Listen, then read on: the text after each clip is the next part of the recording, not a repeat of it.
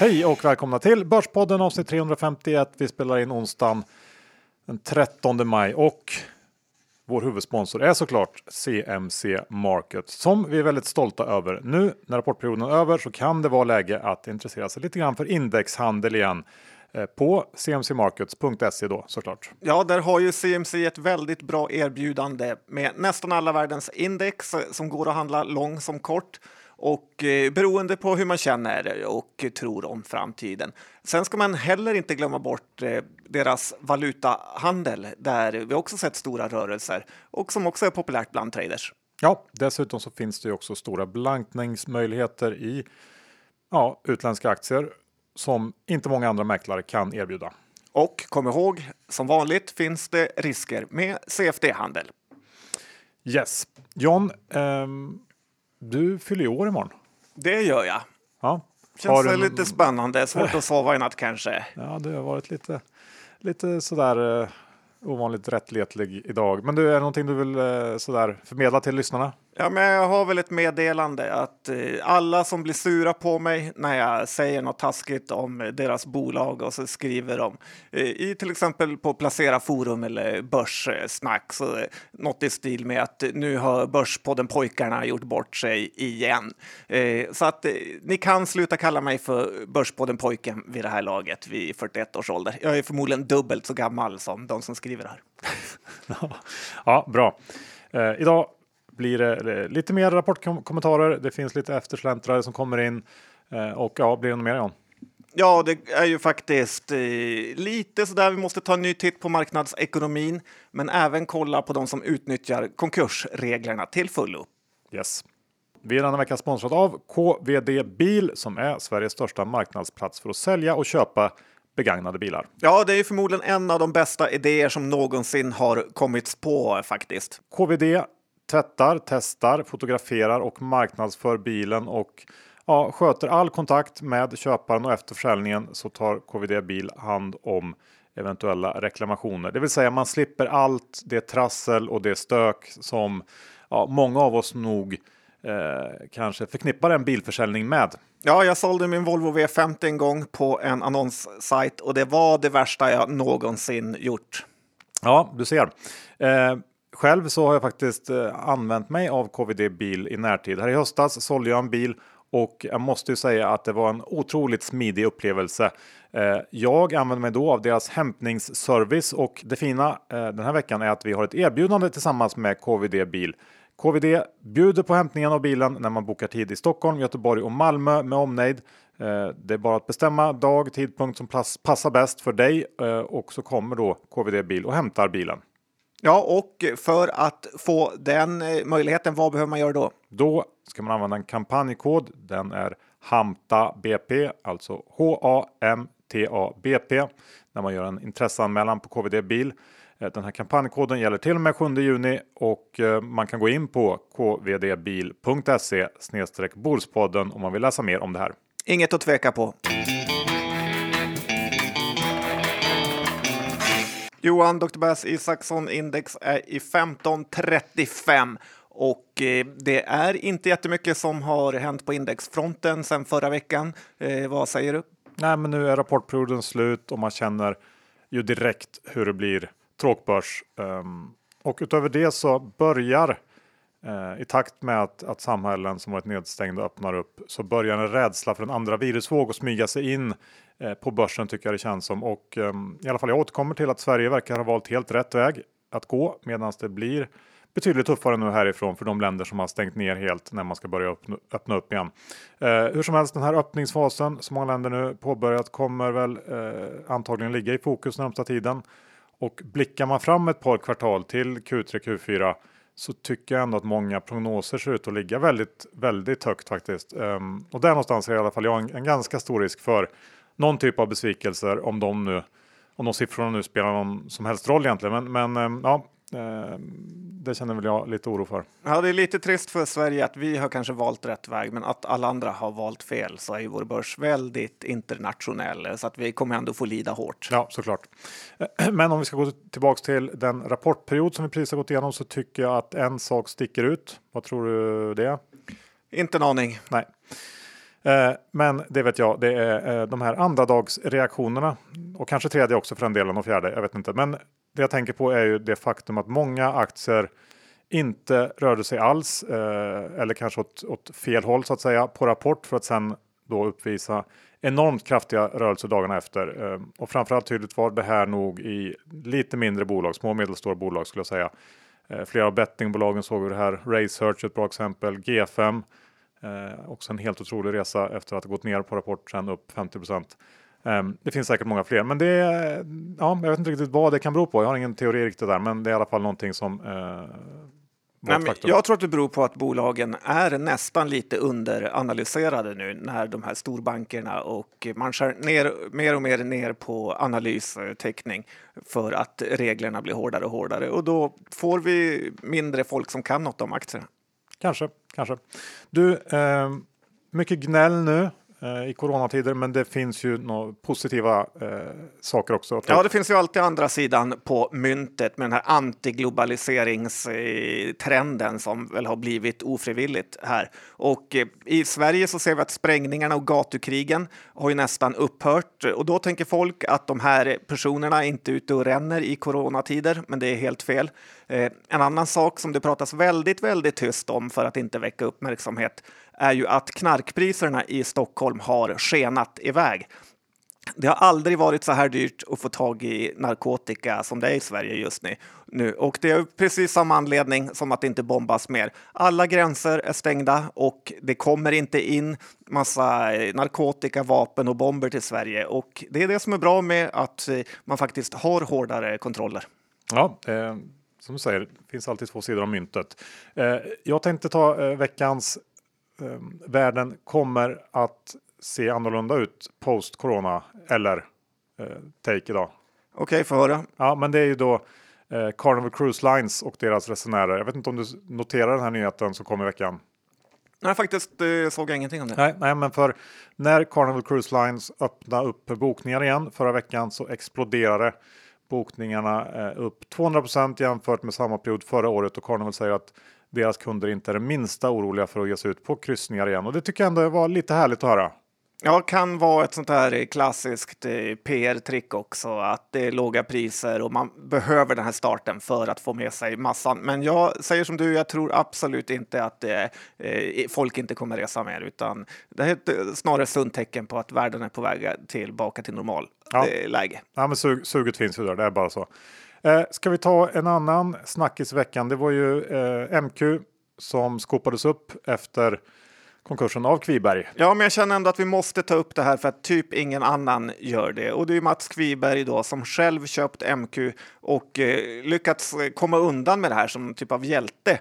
Eh, för mig, mig, känns det mer som någon typ av fulspel om jag ska vara ärlig. Hur huvudägaren låter bolaget konka trots att eh, han har massor med pengar utanför och sen själv köper tillbaka det billigt. I mina ögon är det här maximalt eh, utnyttjande av systemet och pissa på de mindre aktieägarna. Vdn i MQ är också med på ett litet hörn läste jag.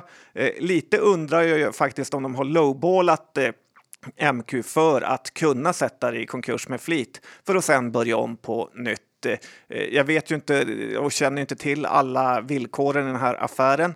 Eh, men det jag vet är ju att aktieägarna som var med på börsen förlorade allt och att eh, Mats Kviberg och vd nu äger allt. Eh, och så här kan det gå Johan när de stora skor sig på de små och det är bara John Skogman som bryr sig.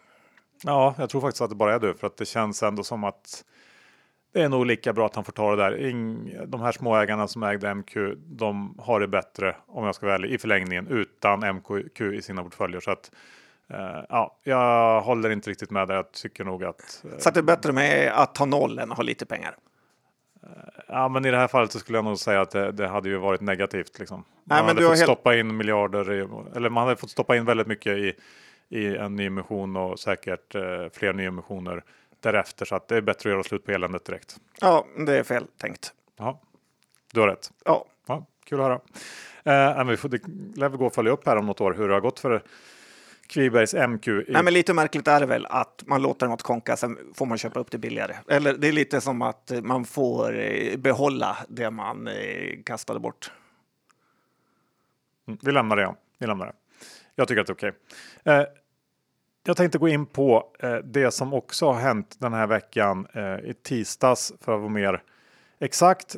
Då kom ju den här efterlängtade halveringen. Eh, jag snackar om bitcoin och det handlar då om den belöning som bitcoin miners får för att mina block på blockkedjan. Ehm, den belöningen halverades då för tredje gången i bitcoins historia och det har ju spekulerats väldigt mycket kring hur det här kommer att påverka priset. Jag har ingen direkt åsikt om det mer än att eh, Eh, om flödet av nya bitcoins halveras så borde det i sig vara liksom positivt. Men det finns såklart massor av andra faktorer att ta hänsyn till. Efterfrågan till exempel. Det måste finnas ett köpintresse för att priset ska stiga och det leder mig till nästa bitcoin nyhet som kom också här i veckan och det var ju att ja, vad ska man säga, placeraren, eh, tradinglegenden Paul Tudor Jones kom ut med eh, eller kom ut som bitcoin bull i veckan. Han ser bitcoin eh, som någon slags store of value och jämför med guld på 70-talet.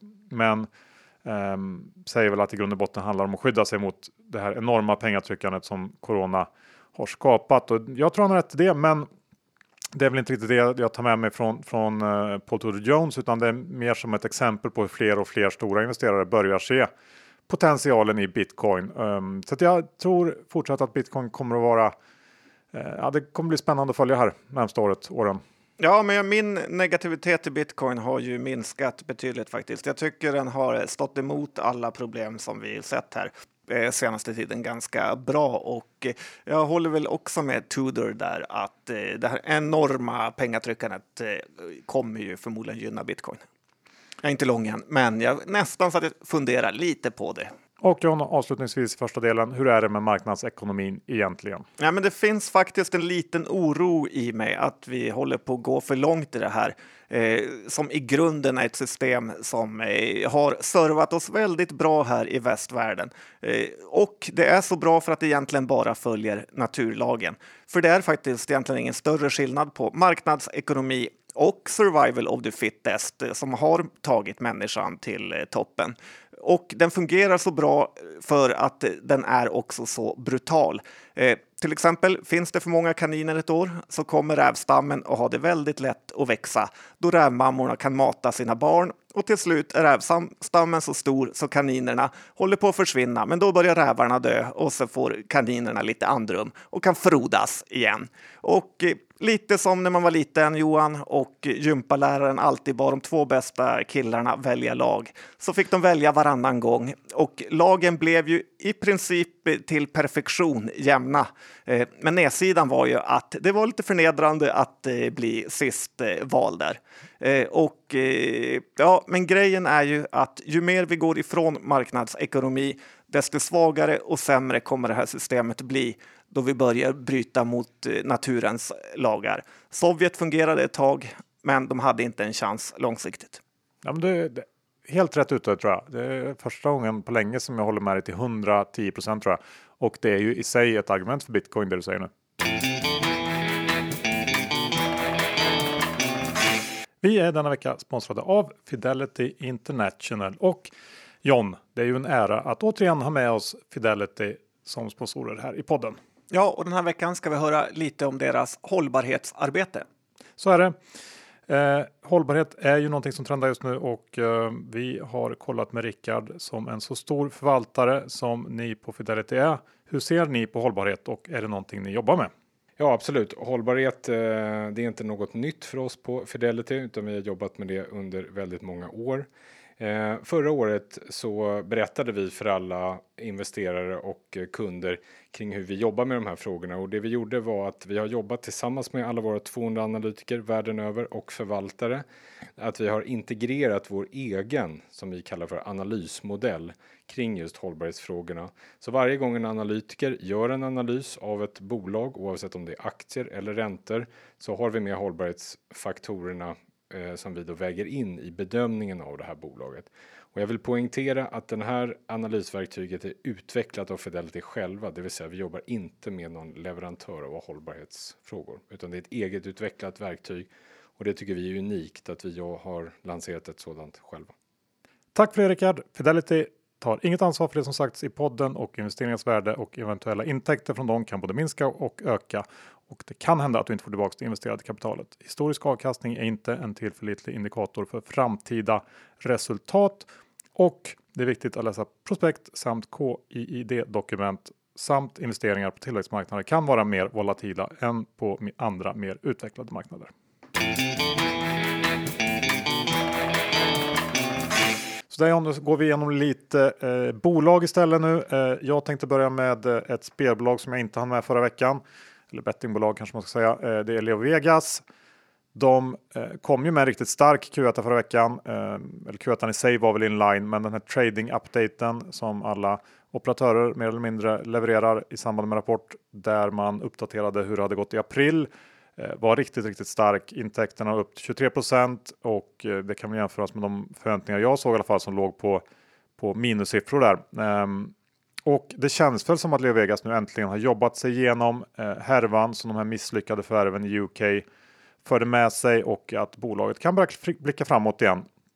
Och i UK har man nu eh, migrerat samtliga brands till en gemensam plattform och det har påverkat positivt här under Q1 och även in i Q2. Det är ju kanske någonting som man tycker borde varit självklart, men det har tagit lite tid. Eh, och i övrigt så kan det vara värt att nämna eh, att man förra veckan gick live med den här eh, omtalade domänen livecasino.com. Eh, jag tror att det kan bli en, en fin tillgång för Leo.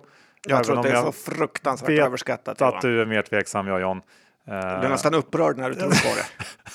är det ofta du går på livekörabil.com och sådana grejer? Alltså ibland så vet jag inte riktigt hur du klarar det John. Men jag menar, det, det borde ju ändå vara en domän som är ganska enkel att sökordsoptimera och kan leda till lite gratis trafik. Jag tror att det är en, en uh, smart tanke och dessutom så är det väl i sig ett intressant koncept att liksom spela på live-casino-trenden. Jag har inte sett något annat kasino som som så explicit satsar just på det, även om det finns säkert. Ja, jag orkar inte ens fortsätta. Nej, nej det är jobbigt. hur som helst, Aktien är fortfarande väldigt billig, handlas för runt 10 gånger ebit och ehm, kan man leva med den här politiska risken som alltid finns i den här branschen så tycker jag att, eh, att Leo Vegas känns som en köpvärd aktie. Trots att den har studsat väldigt mycket då, sen den brutala liksom, marsbotten här.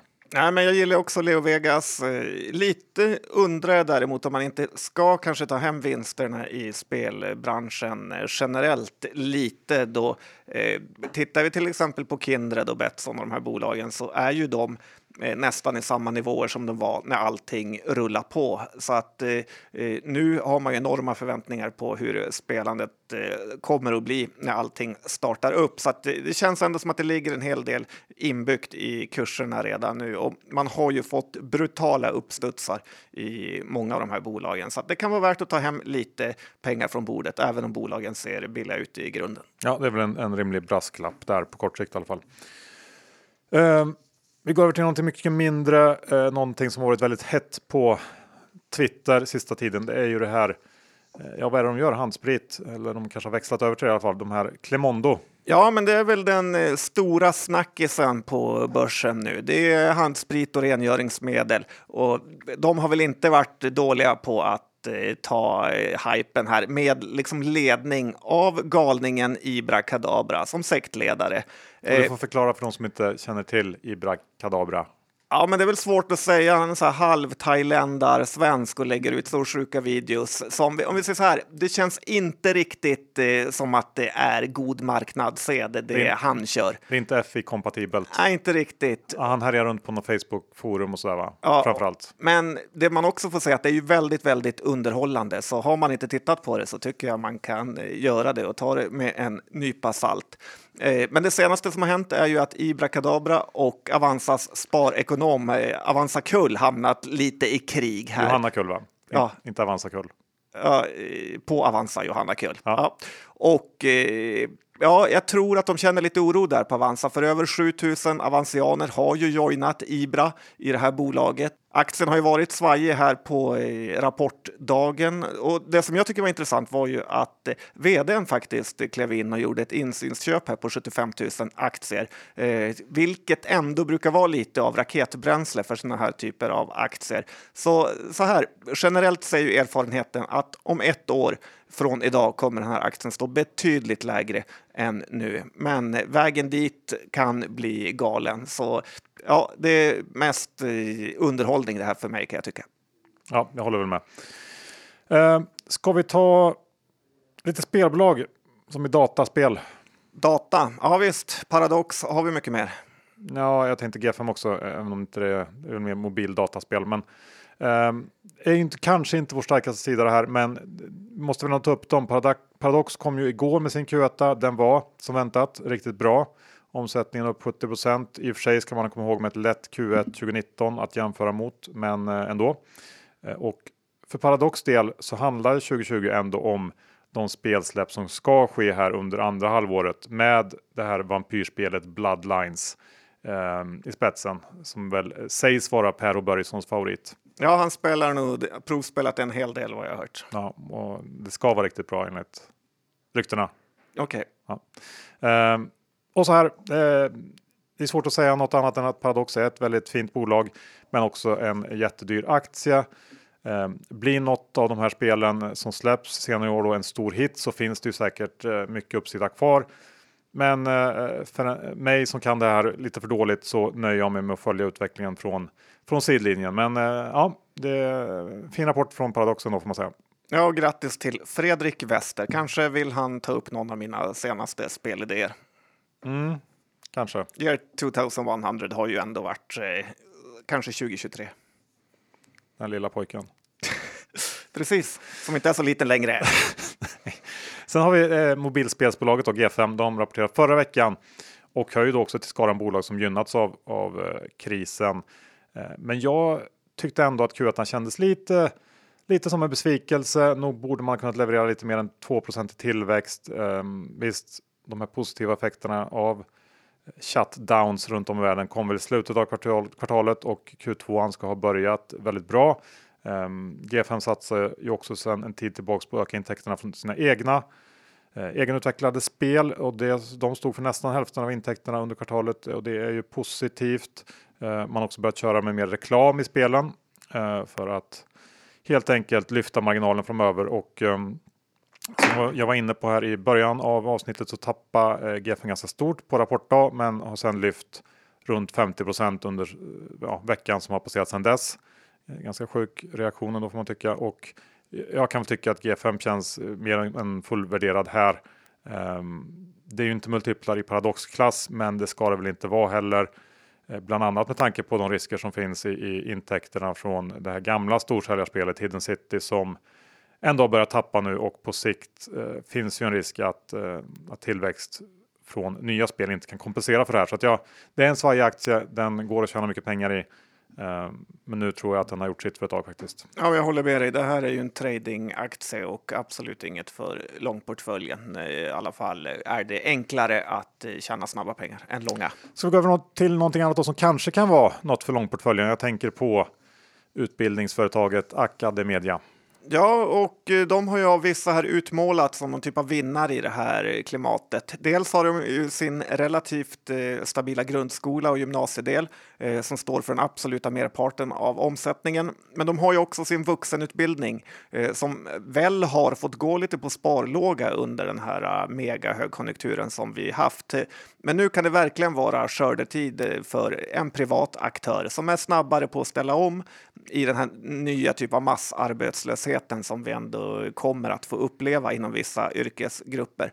Och en fördel med vuxenutbildning är ju att man inte på samma sätt följer terminer heller, vilket gör det mycket smidigare och snabbare att kunna dra igång sånt här.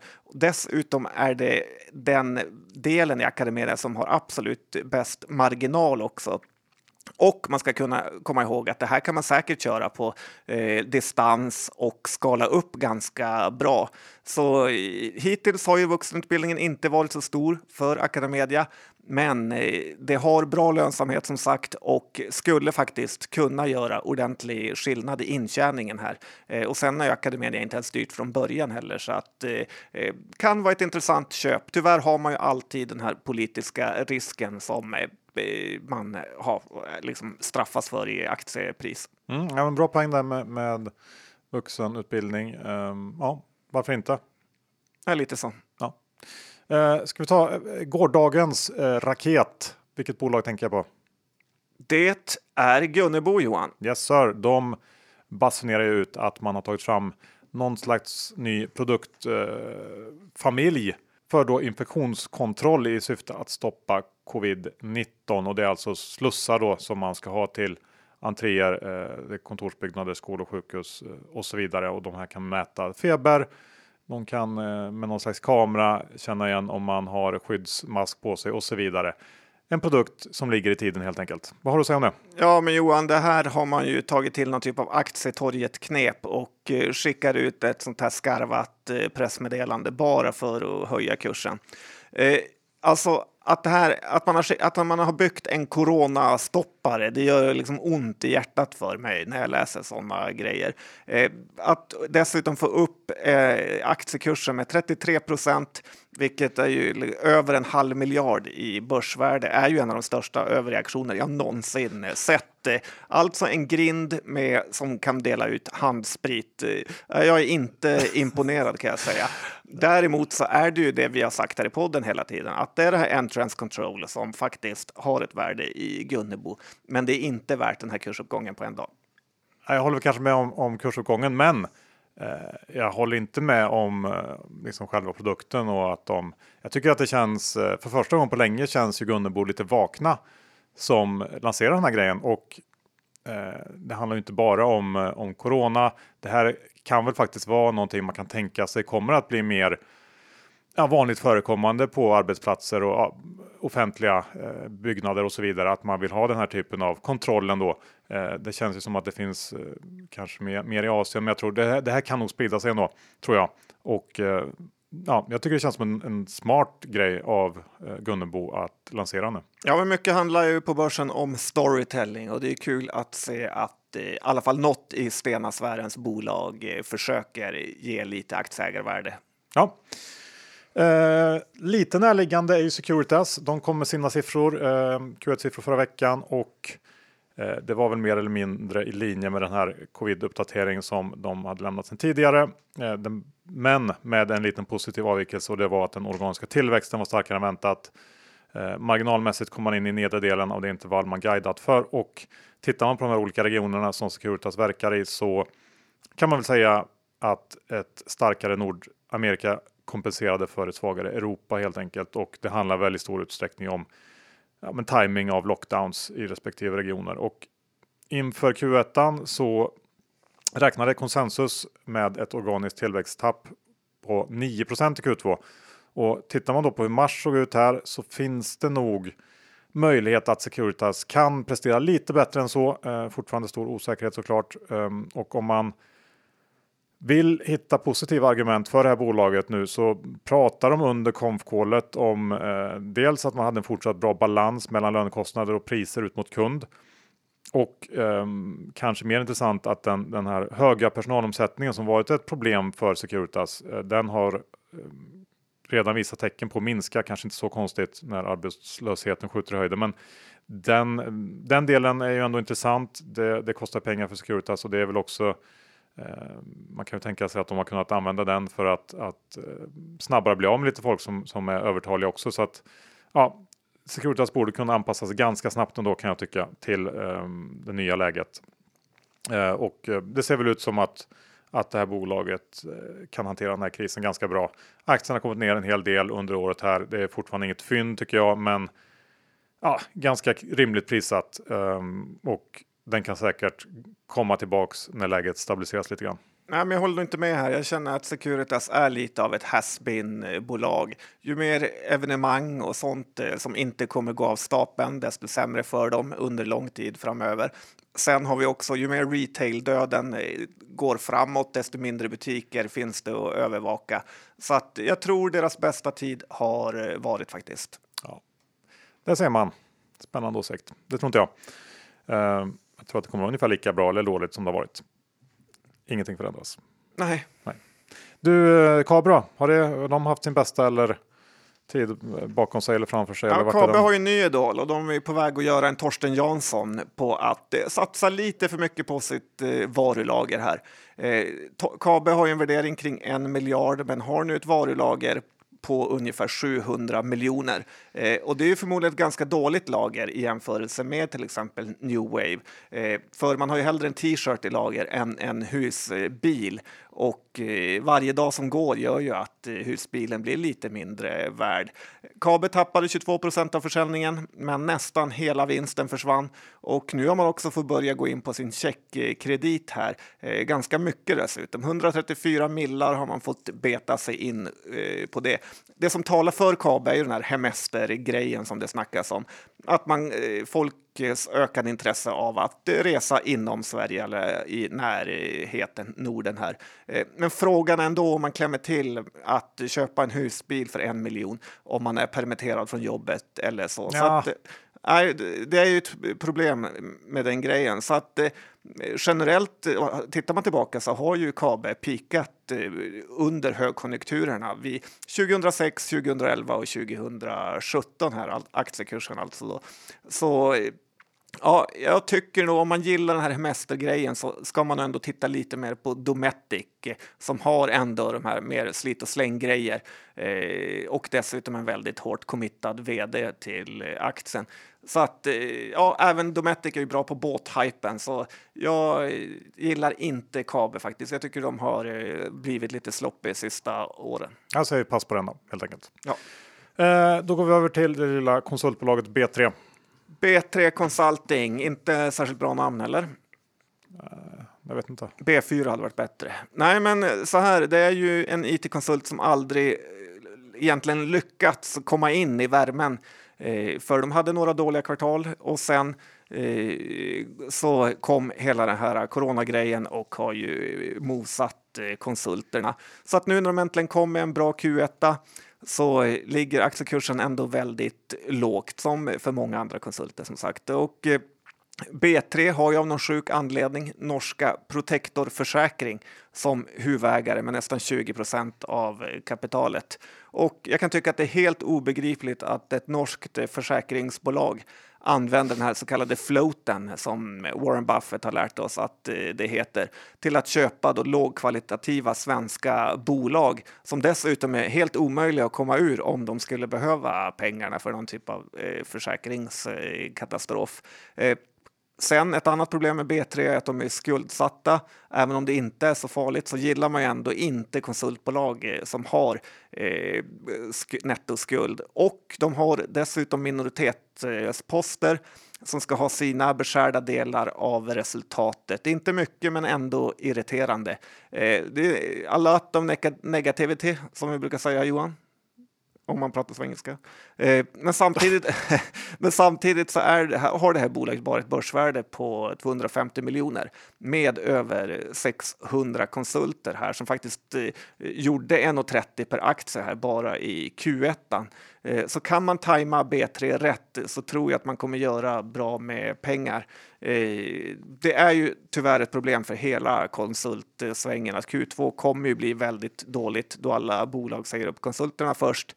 Och eh, sen har man ju då sommaren som nog inte kommer bli någon hög, högtryck i. Så ja, det blir sämre innan det blir bättre, men frågan är var man köper aktien. Ja, man kanske inte behöver köpa den. Eller? Nej, kanske inte, men man kan ha koll på den. Eh, bra. Ska vi gå över till eh, avsluta med kanske Storytel, en av de mest populära aktierna som finns på jorden. Ja, och också extremt farlig att eh, handla på rapport. Aktien började upp och gick sen kraftigt ner. Eh, så här, personligen är min långsiktiga tro ganska låg på ljudboksbranschbolagen här. Eh, då det är tufft, men det är olika språk för varje land, det är meck med förlag och vem vet när eh, Spotify börjar erbjuda ljudböcker. Eh, Det är nackdelarna. Å andra sidan så är ju böcker något som har funnits, ja, kanske sedan Moses Johan, Tora-rullarna, eller vad hette de? Eh, kanske var Mm, Moses strax som, innan kom det. Okej, men var det Moses som skrev dem? Mm. Det är Fortsätt nu istället. Ja. Men eh, det är ju så att Storytel var ju uppspäckad inför rapporten, så eh, det fanns lite fallhöjd här nästan oavsett hur rapporten skulle bli känns det som. Och sen bytte man redovisningsmetod eh, så att det såg lite bättre ut än det egentligen var. Ja, det är ett intressant bolag. Jag är däremot eh, tveksam. Ja, men det är väl så här också att Spotify kommer inte börja med- ljudböcker utan när de väl vill hålla på med det då skopar de väl upp Storytel, eller hur? Ja, förmodligen. Ja, så att det, det är väl någonting man kan hoppas på om man äger Storytel ändå.